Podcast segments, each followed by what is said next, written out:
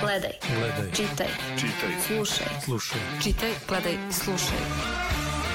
Danas. Danas podcast. Pozdrav svima koji gledaju i slušaju danas o podcast. Moje ime je Vladimir Maričić. E, Slušate prvu redovnu epizodu u 2022. godini i evo sticajem okolnosti među kojima su naravno i među kojima je naravno i ova epidemiološka situacija. Ovaj podcast snimamo preko Zoom platforme i unapred se izvinjavam gledalcima i slušalcima zbog nešto eventualno lošije kvaliteta tona ili slike. Uh, U ovoj epizodi danasog podcasta govorit ćemo o petom talasu koronavirusa, tačnije o njegovom uh, vrhuncu. Moji gosti su epidemiolog dr. Predrag Đurić i Dragoslav Popović, doktor i konsultant za javno zdravlje. Uh, Dobrodošli i hvala još jednom što ste se odazvali pozivu. Hvala. Hvala. Uh, U danu kad snimamo ovaj podcast, uh, evo i to da kažem, zabeležen je najveći broj novoobolelih uh, na dnevnom nivou od kad je počela pandemija u Srbiji. Da stvar bude još gora, taj broj je nadmašen u roku od dva dana. Znači, pre dva dana smo imali situaciju u kojoj evidentira najveći broj novoobolelih. Imajući u vidu sve to, koliko su i ovako velike brojke realne, ako znamo da dosta ljudi se ne testira zato što su asimptomatski slučajevi ili jednostavno imaju blaže simptome ili na kraju krajeva nemaju volju da, da predugo stoje u redovima koji su ovih dana baš dugački pred COVID ambulantama. Ako mogu ja da krenem, u svakom slučaju da ovaj broj e, koji se prikazuje na dnevnom nivou predstavljaju samo one slučajeve koji su potvrđeni u poslednjih 24 sata i vi ste vrlo dobro e, primetili na prvom mestu oni predstavljaju odraz e, laboratorijskog testiranja kapaciteta te- testiranja i e, toga koliko se ljudi javljaju na, na testiranje. Mi smo videli, videli da tek pre nekoliko dana prvi put u Srbiji je probijena granica od 30.000 dnev, e, dnevno testiranja. E, Prethodne dve godine one, te ti brojevi su bili ispod 30.000, nisu dostizali 28.000, a šesto su bili u poslednom decembru ispod 20.000, tako da brojeve uvek trebamo da, da um, posmatramo vezano za to. Treba samo napomenuti da mi, mi i danas i nakon dve godine početka pandemije zapravo i ne znamo šta se krije među tim brojevima koji se, koji se prijavljaju, da, da, li se, da li se prijavljuje broj pozitivnih rezultata testiranja ili se prijavljuje broj, broj slučajeva, broj pacijenata, broj građana kod kojih je koji su, koji su imali pozitivan rezultat na testiranju, znajući da neki ljudi se testiraju i na antigenskim testiranju, PCR, tako da u svakom slučaju možemo pretpostaviti da je ovo samo vrh ledenog brega i da je realan broj e, mnogo veći. Pa evo, ovaj, iako je vrh ledenog brega, ovo su zaista e, brojevi koji zabrinjavaju, e, bez obzira na to koliko mi e, e, vjerovali njima ili ne, ili koliko oni održavaju tu neku stvarnu situaciju. Ono što, što mislim da je isto važno napomenuti ovde, a što je, što je profesor Đurić i rekao, e, mi sada e, e, u suštini vidimo taj jedan pritisak koji se prebacuje na primarnu zdravstvenu zaštitu, znači ne samo da je broj ovih testiranja e, veći nego ikada ranije, nego je u, u, taj broj prijema u primarnoj zdravstvenoj zaštiti isto tako ogroman. Mi vidimo e, redove pred COVID ambulantama i to je nešto što je relativno drugačije u odnosu na neke prethodne talase i za mene je ključno pitanje je e, isto tako kako da se reorganizujemo da e, e, upravo taj pritisak koji se sada osjeća, koji kažem da je nešto drugačije nego što je to bilo ranije, da e, e, ovaj e, e, da kažem e, e, odradimo na, na, na najbolji mogući način. Danas. Podcast. Mi smo među kolegama spekulisali do pre, pa eto, možda do pre mesec dana, pred novu godinu, o, upravo o tome koliki su kapaciteti i da li će biti premašen taj kapacitet od 30.000 testova i kao što vidimo, da, ovih dana se to dešava. Uh, poprilično, ali imajući u vidu uh, sad, jeli, kako deluje sad sve ovo sa ovim Omikron sojem, da li možemo da pretpostavimo da je ovo neka hajde da kažemo, poslednja ili predposlednja faza i etapa posle koje će koronavirus postati endemska bolest i biti svedeno nešto što je sezonski grip sa kojim ćemo mnogo lakše da se, da se borimo i da se nosimo. Danas. Podcast.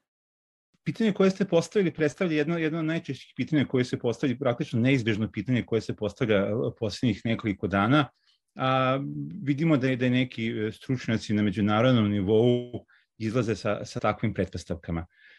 Ja bih se možda više e, bazirao na ono što, što čujemo od strane Svetske zdravstvene organizacije, a to je da, iako se s jedne strane očekuje da zbog veoma, najverovatnije i očigledno, visokog, visokog stepena mogućnosti prenosa omikron soja, s jedne strane moramo imati u vidu da najverovatnije, o tom opet nemamo konkretne podatke, su trenutno prisutna oba soja, i delta i omikron soja, tako da i e, ovaj trenutni stadijum pandemije je karakterisan verovatno prisustvom jednog i drugog i to se vidi nekim drugim zemljama, pa čak recimo sve američkim državama, gde i dalje se registruje veliki broj smrtnih ishoda, ali se pretpostavlja da je on posledica delta soja koji je i dalje prisutan. Postoje, rekao bih, ta nada da zbog brzine prenošenja i lakoće s kojom se prenosi omikron, a opet određenog stepena za obilaženja imuniteta stečenog što prirodnom infekcijom, što vakcinacijom se može očekivati da će veliki broj ljudi biti, biti, biti zaražen. Ja nekako s druge, druge strane više vidimo opasnost u insistiranju na, na ovakvim pretpostavkama, jer nekako se stiče utisak da počinjemo da verujemo da, da COVID-19 postaje blaga infekcija protiv koje se ne, sme, ne, ne, ne treba ni boriti. I čak vidimo i, i, i neki glasovi su sve glasniji posljednjih dana koji o tome govore. I to je nešto što, što ide više, tako kaže, na vodenicu onoga što smo slušali e, poslednjih meseci tog takozvanog e, švedskog ili srpskog scenarija, a to je ne trebaju nam nikakve mere, radi se o nečemu što, što je kao grip, možda i blaže, hajde da pustimo da se, da se svi inficiraju i da na taj način se završi pandemija. Mislim da se, da se tu krije opasnost, jer Omikron, iako a, čini se sad sve izvesnije da izaziva u mnogo većem procentu blaže infekcije nego što je to bio delta ili prethodni sojevi i dalje predstavlja ozbiljno oboljenje i dalje kod nekih ljudi izaziva e, e, teže oblike bolesti, zahteva hospitalizaciju, a verovatno kod nekih dovodi i do smrtnog ishoda, posebno imajući u vidu, kao što je to e, bio slučaj sa ranijim sojevima, oni koji su najosetljiviji, najranjiviji na, na, na, na COVID-19, to su, to su stariji sugrađani i oni koji imaju neka hronična oboljenja, imunodeficijenti, kod kojih inače smo naučili da vakcina daje manje e, e, e povoljan odgovor. Evo ako mogu ja samo da kažem e, e, upravo tako, ovaj na, nada i, i svi se nekako hvataju za tu nadu, ali E, oprez mora da, da ostane i, i mi ne smijemo da se opustimo sa, sa ovim svojem ni u kom slučaju. Um, i, I ovo što je uh, dr. Đurić spomenuo, uh, ovaj, to ni u kom slučaju nije bolest koja je lakša uh, uh, nego što je uh, ne, nego što smo to imali ranije. E, mi ne znamo sve o ovom omikron soju i mi ne znamo koliko ljudi koji su zahvaćeni omikronom mogu da budu zahvaćeni, na primer, ovim dugotrajnim covidom ili da imaju neke post-covid e, posljedice kasnije. Znači, e, oprez mora da ostane, a ono što, što bi predstavljalo to neko namjerno zaražavanje, to je nešto što apsolutno E, se ne preporučuje ni sa etičke, ni sa tehničke strane. Znači ovde je e, potreban oprez, e, potrebno je da se nastavi sprovođenje onih osnovnih mjera koje se kod nas nisu sprovodile ni ranije, ali mi moramo biti svesni da nakon ovoga može da dođe novi talas i za taj talas mora da budemo spremni nego što smo bili za ovaj. Da, e, upravo to sam htio da kažem istini za volju. E, pojedini e, stručnjaci iz kriznog štaba su u oči nove godine upozoravali kako ne treba i nisu za to, za organizovanje dočeka i svega ostalog. Bili smo svedoci toga da su u oči nove godine druge zemlje masovno otkazivale dočeke i velike skupove na otvorenom, a onda opet i Evropu i svet su obišle slike iz Beograda sa trgova i tih verolepnih točaka i vatrometa. Ne treba biti veliki stručnjak, ja to svakako nisam, govorim iz pozicije lajka, ali mogu da pretpostavim opravdano da je ovo što nam se sada dešava dve nedelje kasnije posledica posledica tako malo slobodnijeg ponašanja u oči za vreme 31. januara i za doček, jeli, nove godine. U trenutku kad ovaj podcast bude objavljen, već ćemo imati referendum za koji opet ne znamo još kako će se krizni štab izjasniti u ovom trenutku, da li će biti donete eventualno neke nove mere umeđu vremenu. Da li smo u tom smislu spremni za, sada za, za referendum i, i možemo li da pretpostavimo da nas možda čeka opet na, na neki novi talas nakon tog referenduma za, za dve do tri nedelje? Pa ja bih napomenuo da nisu konkretni događaji ti koji predstavljaju e, rizik za prenošenje virusa, nego su aktivnosti. Te aktivnosti su nepridržavanje e, mera prevencije. Osnovne mere, mere prevencije su e, nošenje maske, držanje distance i izbegavanje boravka u zatvorenom prostoru većeg broja ljudi ako, ako možemo da pretpostavimo da se, da se bilo kakvo izjašnjavanje na javnom mestu može odigrati uz pridržavanje svih ovih mera, onda možemo da kažemo takve aktivnosti, barem epidemiološki, ne predstavljaju povišen rizik, ali to u ovom momentu ne možemo da kažemo. I viđajući da čak i, i tamo gde bi najmanje e, trebala da postoji šansa da se ove mere krše, a to su zdravstvene ustanove, vidimo da u zdravstvenim ustanovama poslednjih dana se ovakve mere ne mogu, ne mogu poštovati. Veliki broj ljudi boravi u zatvorenom prostoru bez mogućnosti da se, da se drži distanca. Druga, druga, drugi aspekt koji nije epidemiološki, on je, rekao bih, etički, a to je u situaciji kada se e, registruju e, rekordni brojevi infekcija, kada se apeluje na građane da se uzdržavaju od različitih aktivnosti i, i to taj čitav, čitav e, niz nedelja, kada se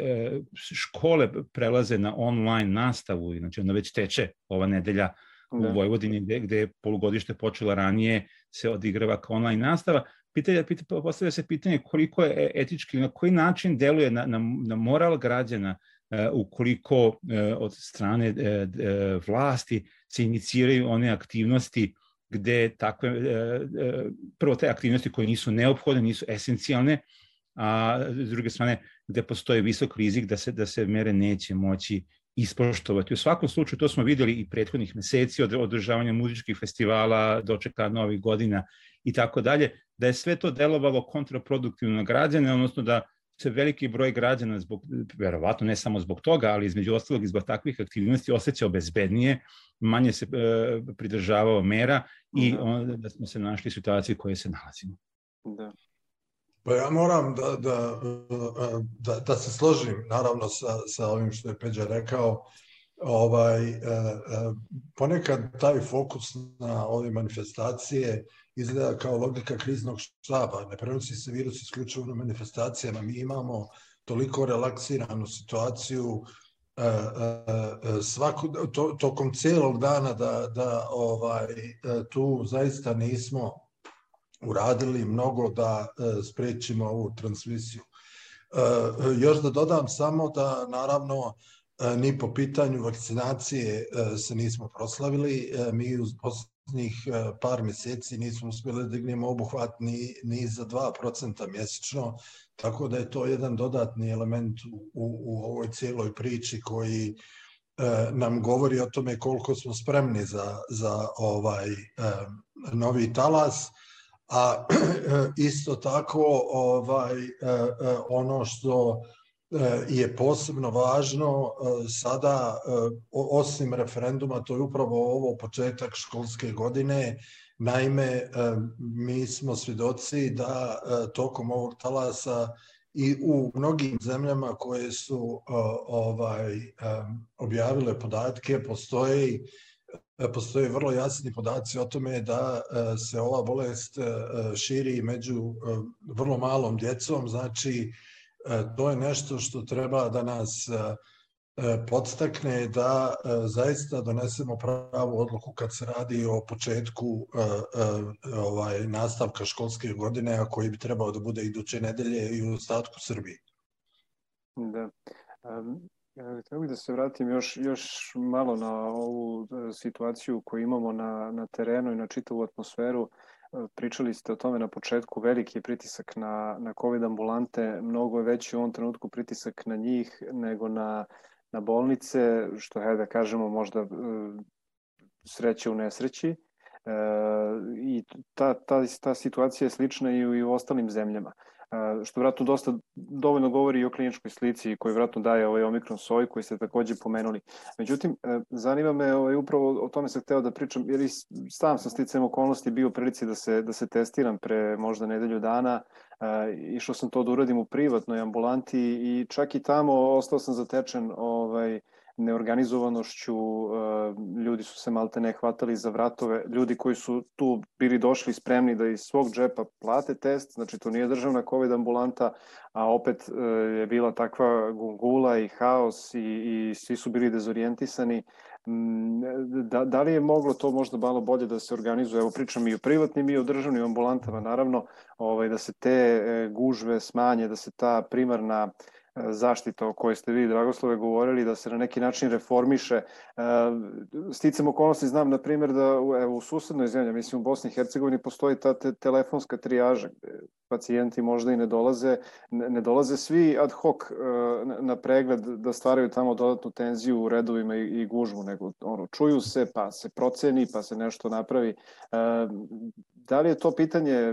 birokratsko ili Kako je to pitanje? Kako gledate na tu, na tu situaciju kod nas? Peđa, mogu li samo... E, e, još jedno pitanje koje mi je sad palo na pamet, izvinjam se, ovaj,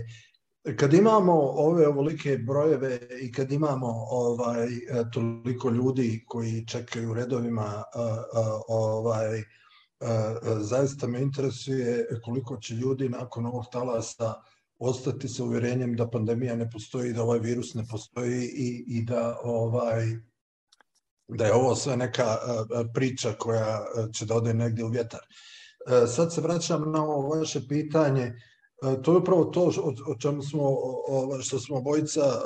postavili na samom početku, a to je način na koji sistem odgovara na, na promjenu situacije. Upravo ovaj, znači ovo je sad jedna relativno nova situacija gdje bi trebalo da se akcenat stavi upravo na tu organizaciju e, e, u primarnoj zdravstvenoj zaštiti da, da, da ta e, služba postane što više dostupna građanima i sa što manje rizika od zaražavanja, jer je očito da ljudi koji čekaju u redovima, a to je, to je ovaj ono što se dešava širom Srbije, e, su u posebnom riziku. Govorimo o omikronu, međutim tu su i druge respiratorne infekcije. Ovo je zaista ono vrh na neki način sezone koje mi imamo svake godine na severnoj hemisferi. Drugo vaše pitanje vezano za privatni sektor, ovaj je ono pitanje koje se već vuče duže vremena. Mi nemamo kompletan zdravstveni sistem ako privatni sektor ne deluje u saradnji i sinhronizaciji sa ovaj, državnim sektorom. To se očito ne dešava iz više razloga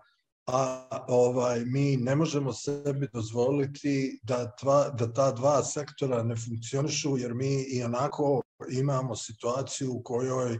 je e, dostupnost usluga e, e, sve manja i manja. I evo tu bi stao, siguran sam da Peđa ima još dosta komentara po tom pitanju. On je jedan od ljudi koji upravo ovih dana postavlja pitanje o tome da li se neke zdravstvene ustanove zatvaraju upravo u ovo vrijeme a, a, a to je jedno od ključnih pitanja koje za moj pojam bi trebalo da bude između ostalog jedna od ključnih tema i za ove izbore koji dolaze, nažalost, o tome se uopšte ne diskutuje. Jeste, ta, e, slažem se e, s Dragoslavom. E, spomenuo, si, spomenuo bih da, da ste primetili, po mom mišlju, jedan od ključnih problema u odgovoru Srbije na, na pandemiju, a to su kapaciteti za testiranje videli smo da brojne druge, druge zemlje i one u, u širem okruženju i inače u Europi su kao jedna od prvih mera, a slušajući osnovnu preporuku Svetske zdravstvene organizacije koja je još u martu 2020. glasila testirati, testirati i testirati, su radili veoma mnogo na razvijanju kapaciteta i veoma brzo da građani mogu veoma lako da urade e, test na e, COVID-19. Ove guže se stvaraju, a to i čujemo i od lekara koji, i zdravstvenih radnika koji rade ovim ustanovama, između ostalog i što je veliki broj ljudi koji imaju veoma blage simptome odlazi na testiranje e, i, i čeka zajedno sa ljudima koji imaju ozbiljne simptome. Ljudi sa veoma blagim simptomima ne bi trebali da idu u zdravstvene ustanove, ambulante i da čekaju i da budu, da budu pregledane da, da bi dobili indikaciju ili uput za testiranje. Da se od, od samog početka epidemije su se razvijali kapaciteti da se dislociralo testiranje na COVID-19 van zdravstvenih ustanova, da se, da se e, išlo sa, sa pravljenjem velikog broja mobilnih testi, e, centara za testiranje, takozvanih kontejnera ili e, ono, a, testiranja sa automobilom i kako se to već zove, da, znači drive-in testiranja i svi drugih mogućnosti, sigurno da bi to mnogo više olakšalo život građanima i onima koji sumnjuju na infekciju, posebno njihovim kontaktima. Znači, ne trebamo da zaboravimo da u, u Srbiji još u julu, ako se ne vrlo 2020 godine, odustalo od masovnog praćenja, identifikovanja i testiranja kontakata ljudi i to je sigurno doprinilo dodatno eksploziji pandemije. Videli smo da, da takvi uh, pozitivni primjeri u, u Evropi veoma dobro funkcionišu, a, a nas e, to uh, vodi ka neomitnom zaključku da i nakon dve godine kapaciteti testiranja u Srbiji nisu se razvili. Znači, kapaciteti testiranja nisu samo testovi, nisu samo uređeni, nego su to i ljudi, stručnjaci koji te testiranje mogu da, da urade. E, sa žaljenjem možemo da konstatujemo da to nije učinjeno. Ja moram da dodam ovde upravo što, da, da naglasim u stvari ovo što, što je e, Peđa rekao, e, kad se radi o praćenju kontakata, to je zaista još jedna od, od, od, od vrlo važnih mjera koje se kod nas ne sprovode i mi imamo ljude koji su zaraženi, koji se slobodno kreću, šire virus e, u, u sredini, a mi nismo ovaj, isto tako radili ništa da bi podigli tu neku svijest o, o tome da ovaj onaj koji je zaražen zaista treba da se drži u toj nekoj samoizolaciji i da ovaj time smanji rizik po sve e, e, po svoje ukućane, po svoje najbliže, ali i, i sve ljude koji se nalaze u, u okolini. E, kad se radi o, o zdravstvenom sistemu, e, zaista e, smo pokazali da smo više rigidni nego što sam mislio da, da, da, da jesmo. Čak i te neke vrlo jednostavne mere koje su se mogle uvesti, to ne mora da bude ni digitalizacija, ni vječka inteligencija, mogo je da se iskoristi obični telefon i da, da se smanji potreba za fizičkim kontaktom, potreba za dolazak u zdravstvenu ustanovu, e, jednostavno zato nije bilo razumijevanja, nije bilo podrške, a bilo je ideja koje su e, ovaj dolazile ne samo iz regiona, nego dolazile iz drugih zemalja. To je jedna od vrlo važnih lekcija koje bi morala da se iskoristi u budućnosti, jer nas zaista, e, bez obzira na to kako ćemo izaći iz ove pandemije, očekuje još ovakvih događaja u buduće i e, spremnost za tako nešto mora da bude prioritet e, zdravstvenog sistema koji će iz ove pandemije izaći dobro ovaj da kažem načet. I i i moraćemo dobro da razmislimo šta je to što nam treba i koji su to pravci kojim treba da krećemo E, nakon pandemije, jer e, pandemija je ta neka razdelnica, teško da ćemo moći da e, nastavimo dalje sa istom onom men, sa tim nekim istim mentalnim sklopom i tom nekom političkom tim političkim programom koji smo imali ovaj ranije u sistemu. Da, pa ja iskreno sumnjam u, u mogućnost tih kapaciteta, kao što rekao, pričam iz perspektive nekog ko je predržao COVID i vakcinisao se tri puta i bio sad u kontaktu sa zaraženim i otišao, jeli, pošto nemam evidentnih simptoma, otišao sam za svaki slučaj da se testiram i odabrao sam privatnu ambulantu, ajde neću imenovati sada, ali bio sam zatečen, kažem, organizacijom tamo gde oni, na primjer, imaju čak tri kase na kojima naplaćuju testiranje, a imaju, na primjer, jednu osobu koja testira i red od 50 ljudi gde nisu se potrudili čak ni da stave papir sa putokazom, da kažu ovde prvi korak, ovde uzmete papir, popunite, pa drugi korak ovde dođete, pa nešto, nego je tako sve prepušteno ovaj, slučaju da se mi bukvalno sami, ljudi onako već nervozni, među njima mnogi očigledno potencijalno zaraženi i, i, i frustrirani, dolaze u nekakve incidentne situacije, što je po meni van svake pameti. A osvrnuo bih se još na jednu stvar koja je mnogima ovaj, trnu oku kad je reč taj, o tom neskladu privatno i, i državno, a, jeste to isto ljudi mogu da dobiju pozitivan test uh, kod privatnika sa kojim naravno mogu da otvore bolovanje, ali uh, onda tu nas dolazi onaj drugi problem, to im nikako ne ulazi u evidenciju onaj zeleni sertifikat koji sutradan jeli može da im koristi naravno uh, za svakodnevnu jeli upotrebu ako žele negde da se kreću pridržavajući se tih epidemijskih mera i meni je to isto prosto neverovatna stvar, ne znam, mi, volio bih da mislim da je samo birokratija i lenjost ili nešto, ali ne znam ošte kako to da, da prokomentariš. Da nastavimo dalje, pomenuli ste malo pre i, i vakcinaciju i e, predak se osvrnuo na to da ljudi sa lakšim simptomima ovaj, ne treba da se ne treba uopšte da idu u COVID ambulante i da se, da se testiraju, ali ja mislim da je to zapravo pitanje odgovornosti i kad pričamo o toj odgovornosti, e, ljudi koji su jeli, primili dve doze, velika je verovatnoća da će primiti i treću, međutim, kad je vakcinacija e, u Srbiji u pitanju, mi imamo situaciju da skoro 800.000 ljudi nije došlo po tu treću, e, treću dozu. Sa druge strane, u svetu se uveliko govori i pojavila su se brojne istraživanja o četvrtoj dozi vakcine. Za sada, koliko znamo, samo su Izrael i Kanada doneli odluke u tom pravcu. Um, kako vi gledate na, na, na to i ka, ono, kojim informacijama raspolažete do sada? Pa kada je u pitanju treća, treća doza, treba imati u vidu da a, kod određenog broja građana koji su primili dve doze još uvijek nije došlo vreme kad treba da prime e, booster dozu, jer ako ako se setimo e, vakcinacije u Srbije se ono, zbiljnije počela se zahuktava početkom prošle godine, negde recimo u martu i narednih meseci, ono, narednih nedelja je bio taj neki gro testiranja koji urađen, tako verovatno da određen broj ljudi e, će primiti dozu. E, ono što treba imati u vidu to je da među vremenu u posljednjem periodu 2025. godine se pojavio delta soj i bilo je sasvim jasno da, da kod određenog broja ljudi koji su primili dve doze vakcine, pa i onih koji su primili, primili booster, infekcija e, može javiti, a posebno sad imamo i kod omikrona da se javljaju slučajevi kod ljudi koji su, to nažalost na neki način da stimuliše određene broj građana i onih koji nemaju ništa protiv vakcinacije, oni koji su se vakcinisali, a bojim se da razlog e, za to je neadekvatna komunikacija sa građanima i e, činjenica da se nije dovoljno verovatno i na pravi način pričalo o vakcinama i koje su e, moguća e, e,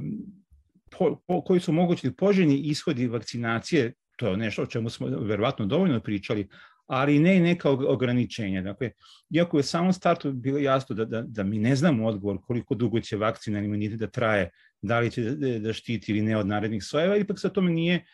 dovoljno na pravi način komuniciralo i, i to je verovatno e, još više umanjilo poverenje građana, čak i onih koji nisu imali ništa protiv vakcine koji su se vakcinisali sa prve dve doze. Kada je u pitanju četvrta doza, to dodatno postavlja određena pitanja. Ja bih samo opet podsjetio da na vakcinaciju možemo da gledamo sa najmanje dva aspekta. Jedan je individualan, drugi je populacioni. Kada je populacioni aspekt u pitanju, onda imamo cilj da što je moguće veći broj ljudi zaštitimo vakcinom, težeći da zajedno taj vakcin ili imunitet i onaj e, stečan prirodnom infekcijom u jednom momentu dostigne neki nivo koji, koji smo mi nazivali kolektivni imunitet i da se na taj način pokuša zaustaviti ili obuzdati pandemija. Drugi je taj individualni, to je zaštita svakog pojedinca i kada posmatramo uh, zaštitu pojedinca ne, ne, ne, ne uzimajući u obzir taj populacijni aspekt, onda možemo kažemo da se opravdano može razmišljati u određenom momentu i o četvrtoj ne, i nekoj daljoj dozi. Međutim, to opet dolazimo do tog etičkog momenta i onoga što Svetska zdravstvena organizacija stalno naglašava, a ovo što sam ja opisao kao populacioni moment, a to je da je očigledno, mada je to bilo svima jasno, ili barem stručnjacima je bilo jasno i, i 2020. godine, da se prvo veoma teško kolektivni imunitet može postići samo vakcinacijom, drugo da se pandemija ne može obuzdati u zemlji A, dok ona buk, bukti u ostatku sveta. I mi upravo vidimo da i ovi novi e, e sojevi virusa se ne javljaju u onim zemljama koji imaju visok stepen vakcinacije, već upravo u onima gde je taj stepen, e, odnosno obuhvat vakcinacijom relativno nizak. Šta to znači? To znači da, da je i opet tu spominjem Svetsku zdravstvenu organizaciju i njeno insistiranje da bi aspekt e, ili težnja trebalo biti više na tome da se što veći broj ljudi ravnomerno u svetu vakci, vakciniše, posebno onih koji su, koji su najviše ugroženi. A da onda e, treba razmišljati o tome kako e, sa dodatnim dozama eventualno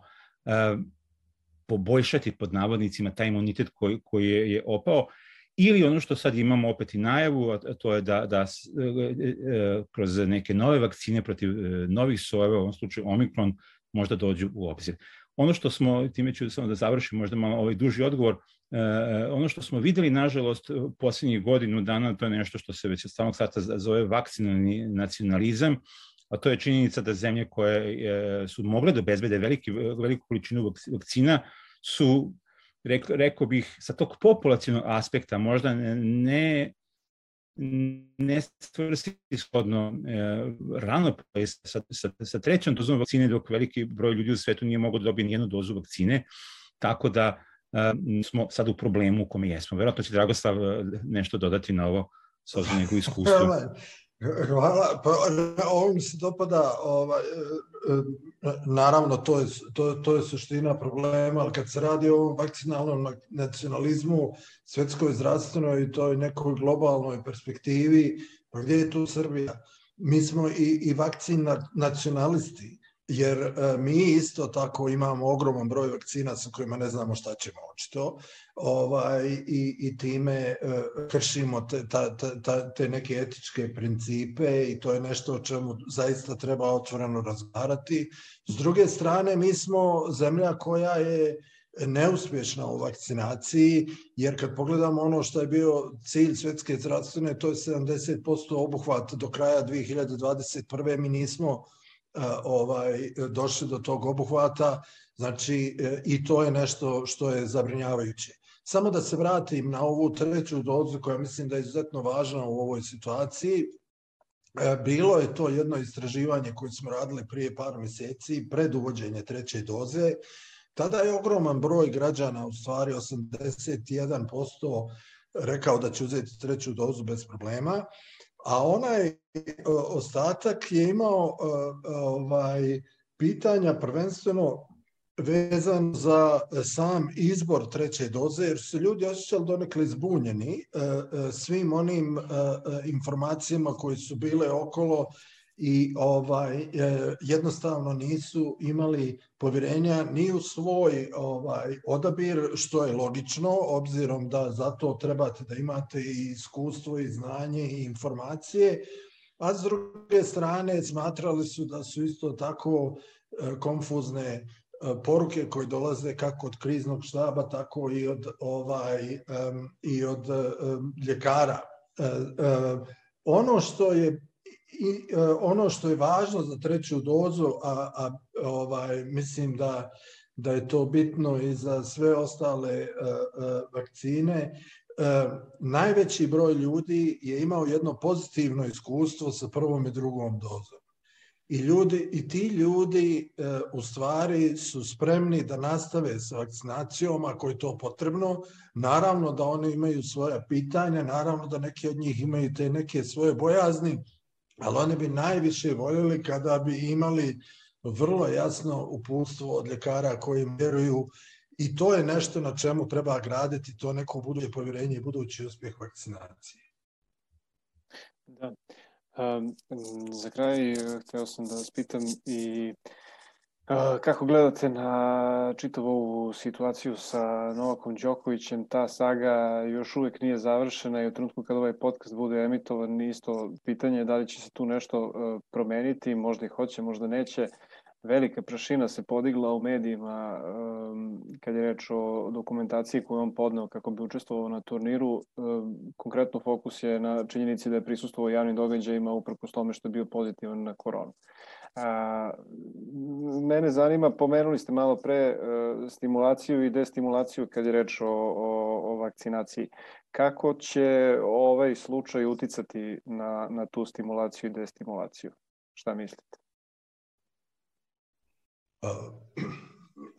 Pa evo mogu ja da, da, da, da ovaj, um, možda dam neko svoje mišljenje. Prvo, ovaj, potpuno je neprihvatljivo da neko ko zna da je zaražen uh, virusom, da se slobodno kreće, pogotovo bez maske, time se ugrožava zdravlje drugih ljudi i to je ne samo etički nego i zakonski ovaj e, e, nije dozvoljeno tako da je to nešto što je za moj pojam potpuno neprihvatljivo. S druge strane e, ta situacija oko e, e Novaka i vakcine e, čini mi se da je kod nas e, više usmjeren fokus na ovaj naš neobjavljeni rat sa Australijom, australijskom politikom i vjerovatno ekonomijom nego što se u stvari govori o vakcinama. E, što je donekle sreća, ali to može da se preokrene u svakom momentu. E, vakcine su ovde nešto što je bilo najjednostavnije rješenje e, i ako pogledamo one informacije koje su dolazile prije samog turnira, Prva informacija je bila 95% e, e, ljudi među prvih 100 tenisera, svi su vakcinisani, a koliko sam shvatio iz, iz informacija koje su stigle u ovih proteklih par dana od, od prvih 100 uh, ovaj, tenisera koji su došli na turnir u Australiji, izgleda da samo Novak nije vakcinisan. Tako da je to stvarno nešto što Ne znam kako će se odraziti na, na situaciju kod nas. Ono što me isto tako brine je što je na globalnom nivou e, e, sva vrsta e, antibakserskih i političkih marginalaca sada lijepi uz Novaka, to će sigurno ovaj oštetiti e, njegovu reputaciju i to je nešto s čim on treba da se izbori prvenstveno opet kažem, e, nadam se da, da to neće imati puno uticaja na našu sredinu, ali se bojim da hoće. Ja bih samo dodao ono što je Dragoslav rekao još i ono što se možda zaboravlja, to je obaveza ljudi koji su bili u kontaktu sa drugim pozitivnim e, na COVID, da takođe su u kućnom karantinu sve dok ne prođe određen period tog karantina, dakle, čak i u slučaju da je, te, da je test negativan kod ljudi koji su bili, bili u kontaktu, E, ta inicijalni, znači postoji ta obaveza e, obaveznog kućnog karantina. U svako, svakom slučaju ovo nije neko pitanje koje, barem kada se o njemu raspravlja u Srbiji, može se raspravljati isključivo racionalno, jer je jako puno emocija uključeno i to je nešto e, čemu mi svedočimo godinama i to veoma otežava racionalno sagledavanje situacije, ali kao što je Dragoslav napomenuo, činjenica da dve, dve godine pandemije za nama predstavlja ogromno opterećenje za, za čovečanstvo, a posebno predstavlja opterećenje za srednje i niže slojeve građana. Oni koji su e, najbogatiji i najimućniji su verovatno mnogo lakše podneli e, pandemiju. Australija je možda po tome specifičan slučaj, jer ono što se desilo sa Australijom kao jednom zemljom koja, ima, koja je imala još uvijek ima veoma rigorozne mere, to je takozvani kako bih, kako bih rekao, COVID migranti, odnosno veliki broj imućnih e, ljudi koji su dolazili, selili se u Australiju jer su tamo mogli relativno e, lagano da žive, dok oni koji, koji, dok brojni australijski građani dve ili više godina nisu mogli da se vrate u Australiju, da, da, da se spoje sa svojim porodicama i najmilijim, a to je slučaj i, i, i širom sveta, dakle Australija nije jedina. I ovo što je Dragoslav napomenuo za tenisere, od svakog od nas tokom pandemije se očekuje da podnesemo određene žrtve i da možda činimo nešto. Niko od nas naravno ne ide sa zadovoljstvom ni u karantin, ni izolaciju, niti na vakcinaciju i sve ostalo. Ali to su ne, neke obaveze koje mi e, svi bi trebali da osjećamo prema svojim bližnjima, prema, prema široj zajednici, prema uopšte trenutku u kome se nalazimo. I bojim se da je, da je sasvim e, opravdan revolt svih onih koji su podnili te žrtve prema onim ljudima koji su se vrlo e, ležerno, nonšalantno ponašali i trudeći se da, da i uspevajući da izbegnu sve ono što smo svi mi morali da propatimo. Pa ja, ja moram da dodam, e, da, ovaj, sad, sad mi je palo na pamet još ovaj, kad se radi o Novaku, naime o, o, o, ovo zaista e, njega košta, to je činjenica, ali isto tako on je prijavio da je dva puta već imao COVID u ovom nekom periodu, znači e, e, postoji rizik i po njegovo zdravlje i mislim da je to dovoljno nekih razloga da on razmisli ponovo o, o odluci koja je na kraju krajeva njegova vakcinacija u Srbiji nije obavezna i ne možemo reći sada da on ima obavezu kao i svaki drugi građanin Srbije e, e, e, to ovaj je njegova lična odluka ali niko ne živi izolovan od sredine i mi imamo obavezu ne samo prema sebi nego i sa ljudima oko sebe. Naravno, da, kad ste to već spomenuli, ovaj, pa obična logika ovde sveta i ono što može da se čuje jeste da je on sportista, da on to svakako može da iznese, uh, jeli bez nekih većih posledica, uh, što naravno nema jeli, nekog utemeljenja u, u, u logici, ali dobro. Um, u svakom slučaju mi ne znamo kako će se kakvu će politiku zauzeti ostali turniri u toku evo ove kalendarske godine i da li će slična praksa biti i na ostalim i u Londonu i, i u ovaj Njujorku. Uh, koliko sam video direktorka turnira Roland Garros ga je pozvala i rekla da neće neće ga uslovljavati vakcinacijom, ali o tom potom. Uh, Dragoslave Predraže, hvala vam na, na zanimljivom ovaj, razgovoru u sledećoj epizodi danasog podcasta slušajte moju koleginicu Selenu Kosorić i njene goste. I još jednom da podsjetim sve koji ovaj podcast gledaju preko YouTube-a, možete da nas zapratite, da se pretplatite na naš kanal, to vas ništa ne košta, kliknete na dugme subscribe na našem kanalu i na taj način ćete dobijati notifikacije svaki put kada objavimo novi video sadržaj. Gledaj. Gledaj. Čitaj. Čitaj. Slušaj. Slušaj. Čitaj, gledaj, slušaj. Danas. Danas podcast.